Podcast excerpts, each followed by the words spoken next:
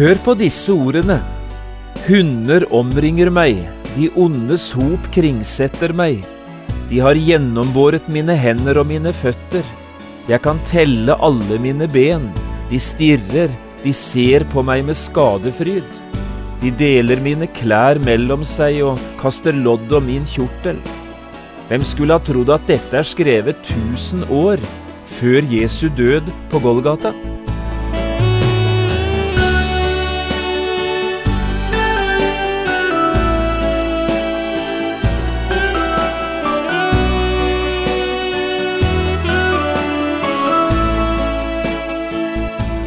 Hjertelig velkommen til et nytt program i serien Vindu mot livet. Programmet er produsert av Kristen Riksradio og blir ledet av Jon Hardang. Dette programmet er produsert med støtte fra Sambandet Forlag AS.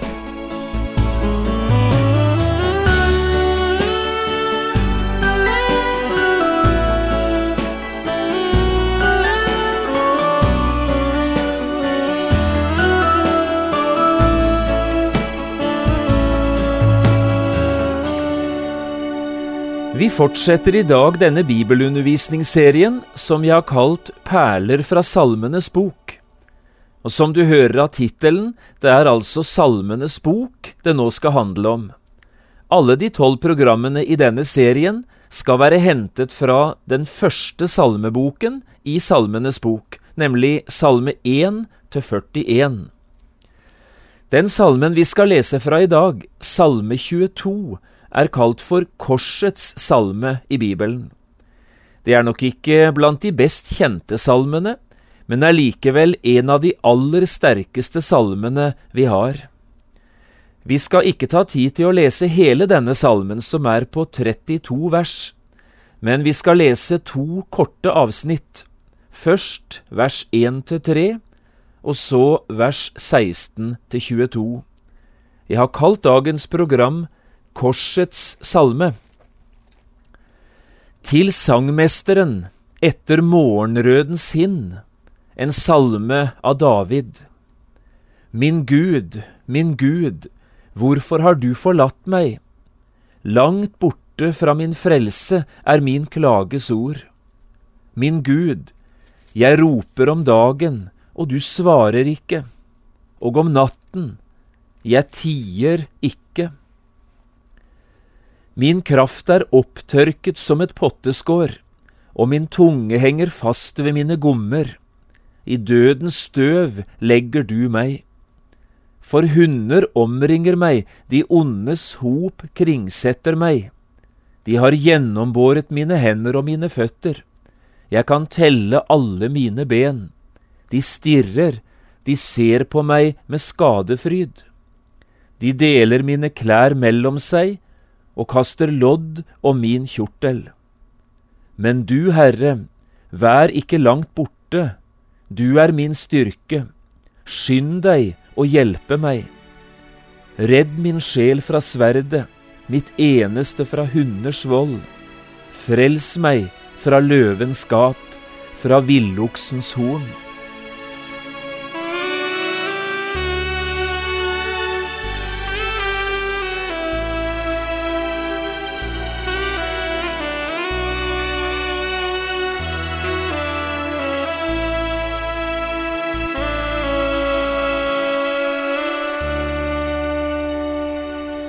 Det finnes to berømte malerier av Jesus, malt av to forskjellige kunstnere, med samme hovedtema. Begge de to maleriene skildrer en scene fra Jesu liv, lenge før han sto fram som voksen mann i sin offentlige virksomhet. Det første maleriet henter sitt motiv fra snekkerverkstedet, der tenåringen Jesus står og arbeider ved siden av sin far.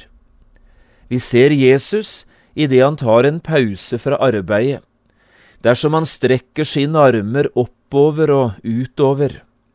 Solstrålene strømmer inn gjennom et vindu bak han, og kaster en urovekkende skygge bortover veggen, på motsatt side av rommet, og skyggen, den tegner et kors. Det andre maleriet er malt av en helt annen kunstner, men har litt av den samme tanken i seg. Her ser vi Jesus som ganske liten gutt. Han løper mot sin mor med utstrakte armer. Solen skinner fra en skyfri himmel bak den vesle gutten, og på veien foran han kaster guttens kropp en skygge, nesten helt lik den vi så på det første maleriet. Også denne skyggen tegner et kors.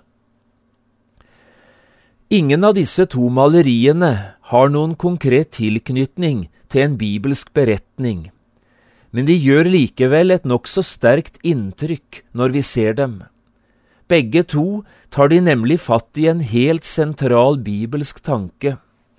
Korset var der foran Jesus hele veien. Jesus levde hele sitt liv på vei mot skyggen av et kors. Skyggen av korset var der allerede i barneårene, og siden, både som tenåring og som ung mann, Jesus levde hele veien med korsets skygge foran seg. Skyggen forlot han aldri, hele tiden var korset der, som en påminnelse om det er dette du er på vei imot. Akkurat på samme måten finnes det også to spesielle bilder i Bibelen, i Det gamle testamentet. To malerier av Jesu Kristi kors. Også disse to maleriene er malt av to ganske forskjellige kunstnere, men de har det samme hovedtema. Vi ser tydelig skyggen av Jesu Kristi kors. Også dette er viktige malerier, og malerier som virker på oss når vi får øye på dem. Det første maleriet ble laget av kong David, og vi finner det i Salme 22, i Korsets salme i Bibelen, altså den salmen vi leste litt fra ved begynnelsen av dagens program. Dette maleriet ble laget tusen år før Jesus selv ble født, men motivet er likevel tydelig og klart. Det er bildet av korset, og fargene er både rene og sterke. Det andre maleriet det ble laget av profeten Jesaja. Vi finner det i Jesaja-boken og kapittel 53, i den fjerde sangen om Herrens lidende tjener. Dette maleriet ble også malt lenge før Kristi fødsel, 750 år. Men også her er korset tydelig, og fargene klare og sterke. Det siste av disse to maleriene skal vi ikke si noe mer om i dag, altså det bildet av Herrens lidende tjener som profeten Jesaja maler i sin bok. Men det andre maleriet, altså det vi nevnte først, det skal vi nå ta fram og se litt nærmere på i dag. Det handler om bildet fra Salme 22, korsets salme i Bibelen. Og la oss nå, som det første, si litt om hvor denne salmen er plassert i Bibelen, og hvorfor salmen er plassert akkurat her. Det er nemlig både en spennende og ganske viktig sak. For å få skikkelig tak i det, skal vi ta utgangspunktet i et av de fineste og mest sentrale bildene som er malt av Herren i hele Bibelen. Jeg tenker på bildet av Herren som hyrde. Få bilder av Herren i hele Bibelen er til de grader i stand til å fortelle oss både hvem Herren er og hva han står for, som nettopp dette bildet, bildet av hyrden. Nå skal du få høre noe fint. Det brukes i Bibelen tre forskjellige uttrykk om Jesus som hyrde og hvert av disse tre uttrykkene sier noe ganske spesielt om Jesus. Det første uttrykket det møter vi to ganger i Johannesevangeliet, i kapittel 10. Vi møter det i vers 11 og i vers 14. Her sier Jesus det slik om seg selv, Jeg er den gode hyrde. Hva legger Jesus i dette uttrykket? Hvorfor sier Jesus akkurat dette om seg selv, at han er den gode hyrde? Hvordan viste Jesus i sitt liv at det var akkurat slik han var, en god hyrde? Jo, det svarer Jesus selv på her i Johannes 10. Den gode hyrde, sier han, setter sitt liv til for fårene. Jesus har altså vist seg å være den gode hyrde ved å gå i døden for oss mennesker. Sagt med andre ord, alt det som står i Bibelen om det Jesus gjorde for oss i sin død, det handler om Jesus som den gode hyrde.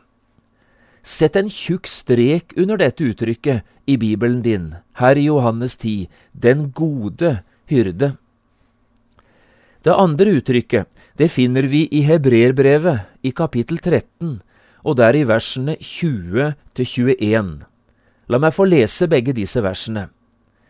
Men fredens Gud, Han som i kraft av en evig pakts blod førte fårenes store hyrde, vår Herre Jesus, opp fra de døde, må Han gjøre dere dyktige til alt godt, så dere kan gjøre Hans vilje, ved at Han virker i oss ved Jesus Kristus, det som er godt i Hans øyne.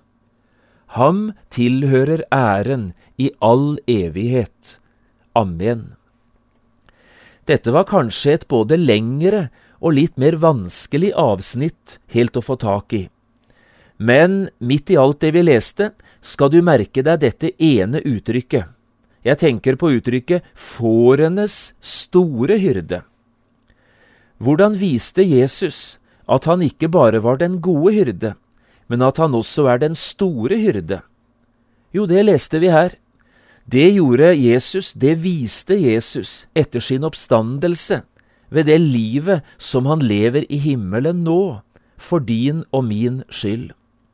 Han som var stor nok til å seire over døden og stige ut av graven, og som førte liv og uforgjengelighet fram i lyset, han som var stor nok til å fare opp til himmelen, han er også stor nok, sies det her, til å være vår talsmann og forbeder hos Gud. Han er stor nok både til å styrke oss, bevare oss, lede oss og bruke oss hver eneste dag gjennom vårt liv. Når Bibelen altså taler om Jesus som den store hyrde, handler det om alt det Jesus er for oss og gjør for oss i himmelen i dag, altså som den levende og oppstandende frelser. Også dette uttrykket synes jeg du skal understreke i Bibelen din, fårenes store hyrde. Det tredje og siste uttrykket det finner vi i 1. Peter 5 og vers 4. Her står det slik:" Når så overhyrden åpenbarer seg, skal dere få ærens uvisnelige krans. Overhyrden kalles Jesus her. Nå er han ikke bare den gode hyrde, nå er han ikke bare den store hyrde, nå er han den største. Han er overhyrden. I en ny dansk bibeloversettelse står det slik Hyrden over alle hyrder. Også det et flott uttrykk, ikke sant? Og du hører hva dette handler om? Det handler om Jesu Kristi gjenkomst. Mange kristne frykter Jesu gjenkomst. De er redd at de kommer til å miste alt det de eier den dagen Jesus kommer igjen. De er redd for at Jesus kommer for å ta alt ifra dem. Men her sto det noe helt annet. Når Jesus kommer igjen, kommer han ikke for å ta fra oss noe. Han kommer fordi det er noe han vil gi oss. Dere skal få ærens uvisnelige krans. Dermed er Jesu gjenkomst ingen katastrofe for en kristen. Tvert imot, dette vil bli den største dagen i en kristens liv. Også dette uttrykket må du understreke overhyrden. Og så oppsummerer vi det vi nå har sagt. Den gode hyrde har avsluttet sin gjerning. Dette handler om Jesus da han døde for oss. Den store hyrde, han gjør sin viktige gjerning for oss i dag og hver eneste dag gjennom vårt liv. Overhyrden derimot, han har enda ikke begynt på sitt arbeid. Det kommer først til å skje den dagen Jesus kommer igjen. Den gode hyrde, det er fortid. Den store hyrde, det er nåtid, og overhyrden, det er framtid. Men, spør du kanskje, hva har dette med Salme 22 å gjøre? Jo, ganske mye. Salme 22 er nemlig en av Bibelens aller fineste hyrdesalmer. Den best kjente hyrdesalmen er nok Salme 23, altså den salmen som kommer rett etter Salme 22. Hva handler den salmen om? Er det den gode hyrde eller den store hyrde eller overhyrden som beskrives i Salme 23? Ja, i det tilfellet er svaret ikke vanskelig å finne. Salme 23 er salmen om den store hyrden. Her får vi høre om alt det Herren er for oss og vil gjøre for oss i vårt liv hver eneste dag. Men hva da med Salme 22, den salmen vi leser fra i dag, og som altså kommer like foran Salme 23? Jo, ser vi nærmere etter, og det hørte vi da vi leste, dette er en salme som handler om den gode hyrde, altså om alt det som Jesus gjorde da han gikk i døden for oss, da hyrden satte livet til for sauene.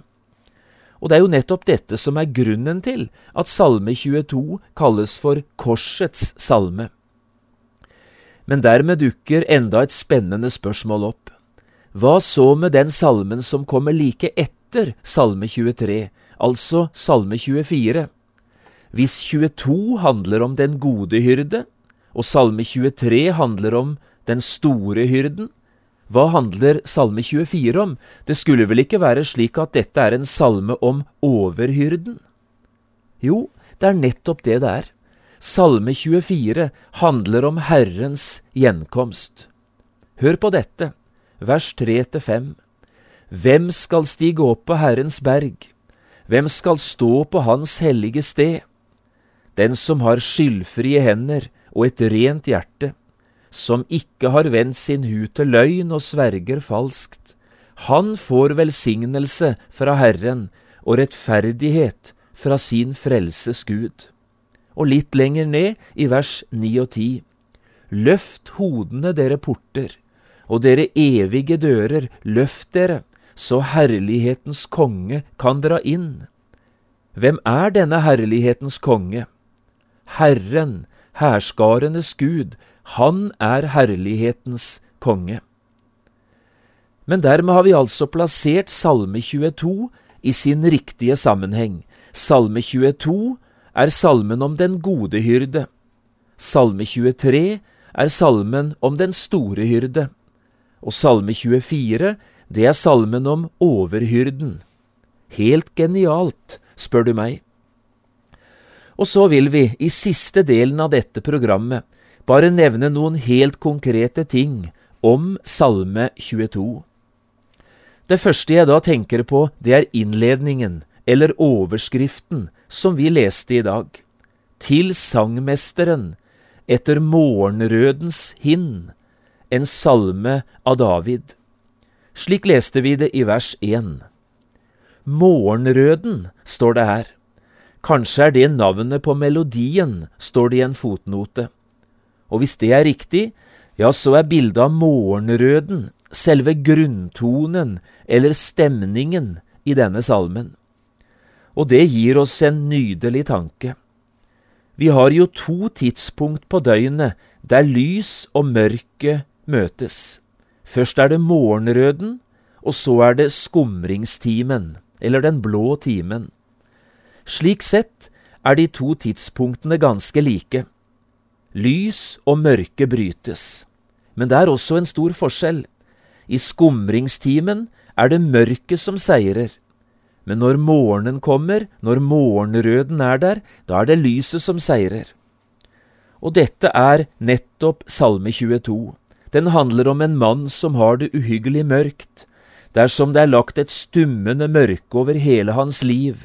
Det er som en belgmørk natt. Men så bryter lyset fram, og mørket må vike.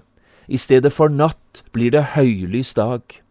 Mørket får altså ikke siste ordet i denne mannens liv. Og er det ikke nettopp dette som også er tonen eller stemningen i påskens begivenheter og i påskens budskap.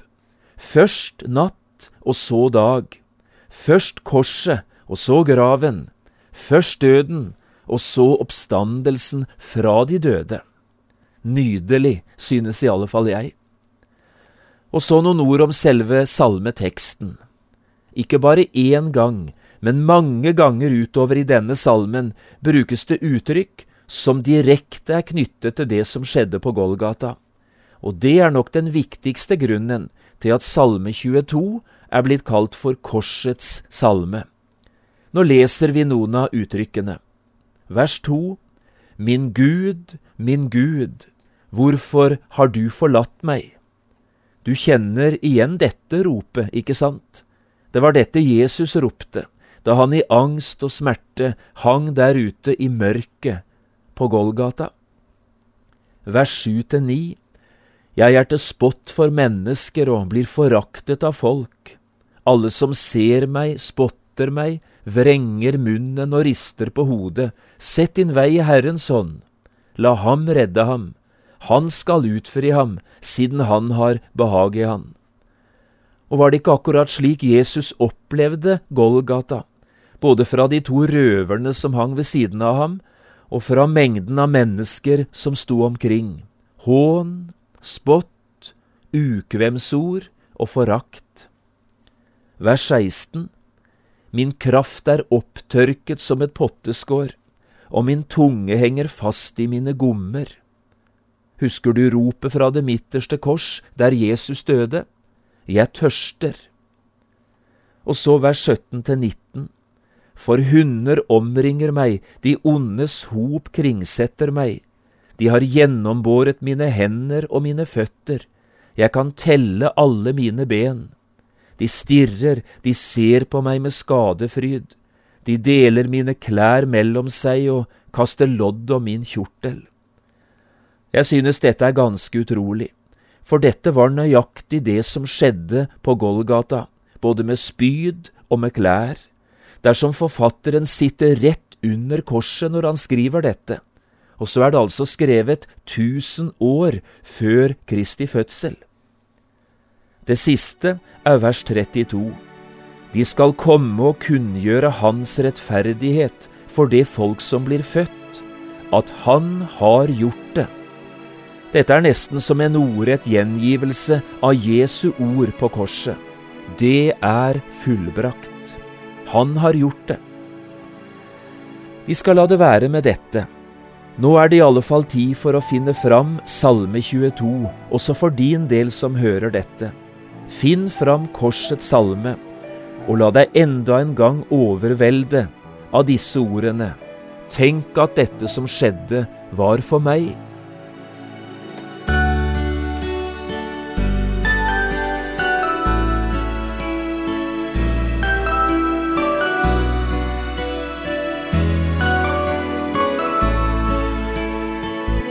Du har lyttet til program i serien Vindu mot livet med John Hardang. Programmene i denne serien kan også kjøpes på CD fra Kristen Riksradio, eller høres på internett på p7.no. Har du spørsmål eller kommentarer til det du nå har hørt, kan du ta kontakt med oss. Adressen er Kristen Riksradio, Skiene 2, 5353 Straume. Eller send en e-post vml alfakrøll p7.no. Takk for i dag, og på gjenhør.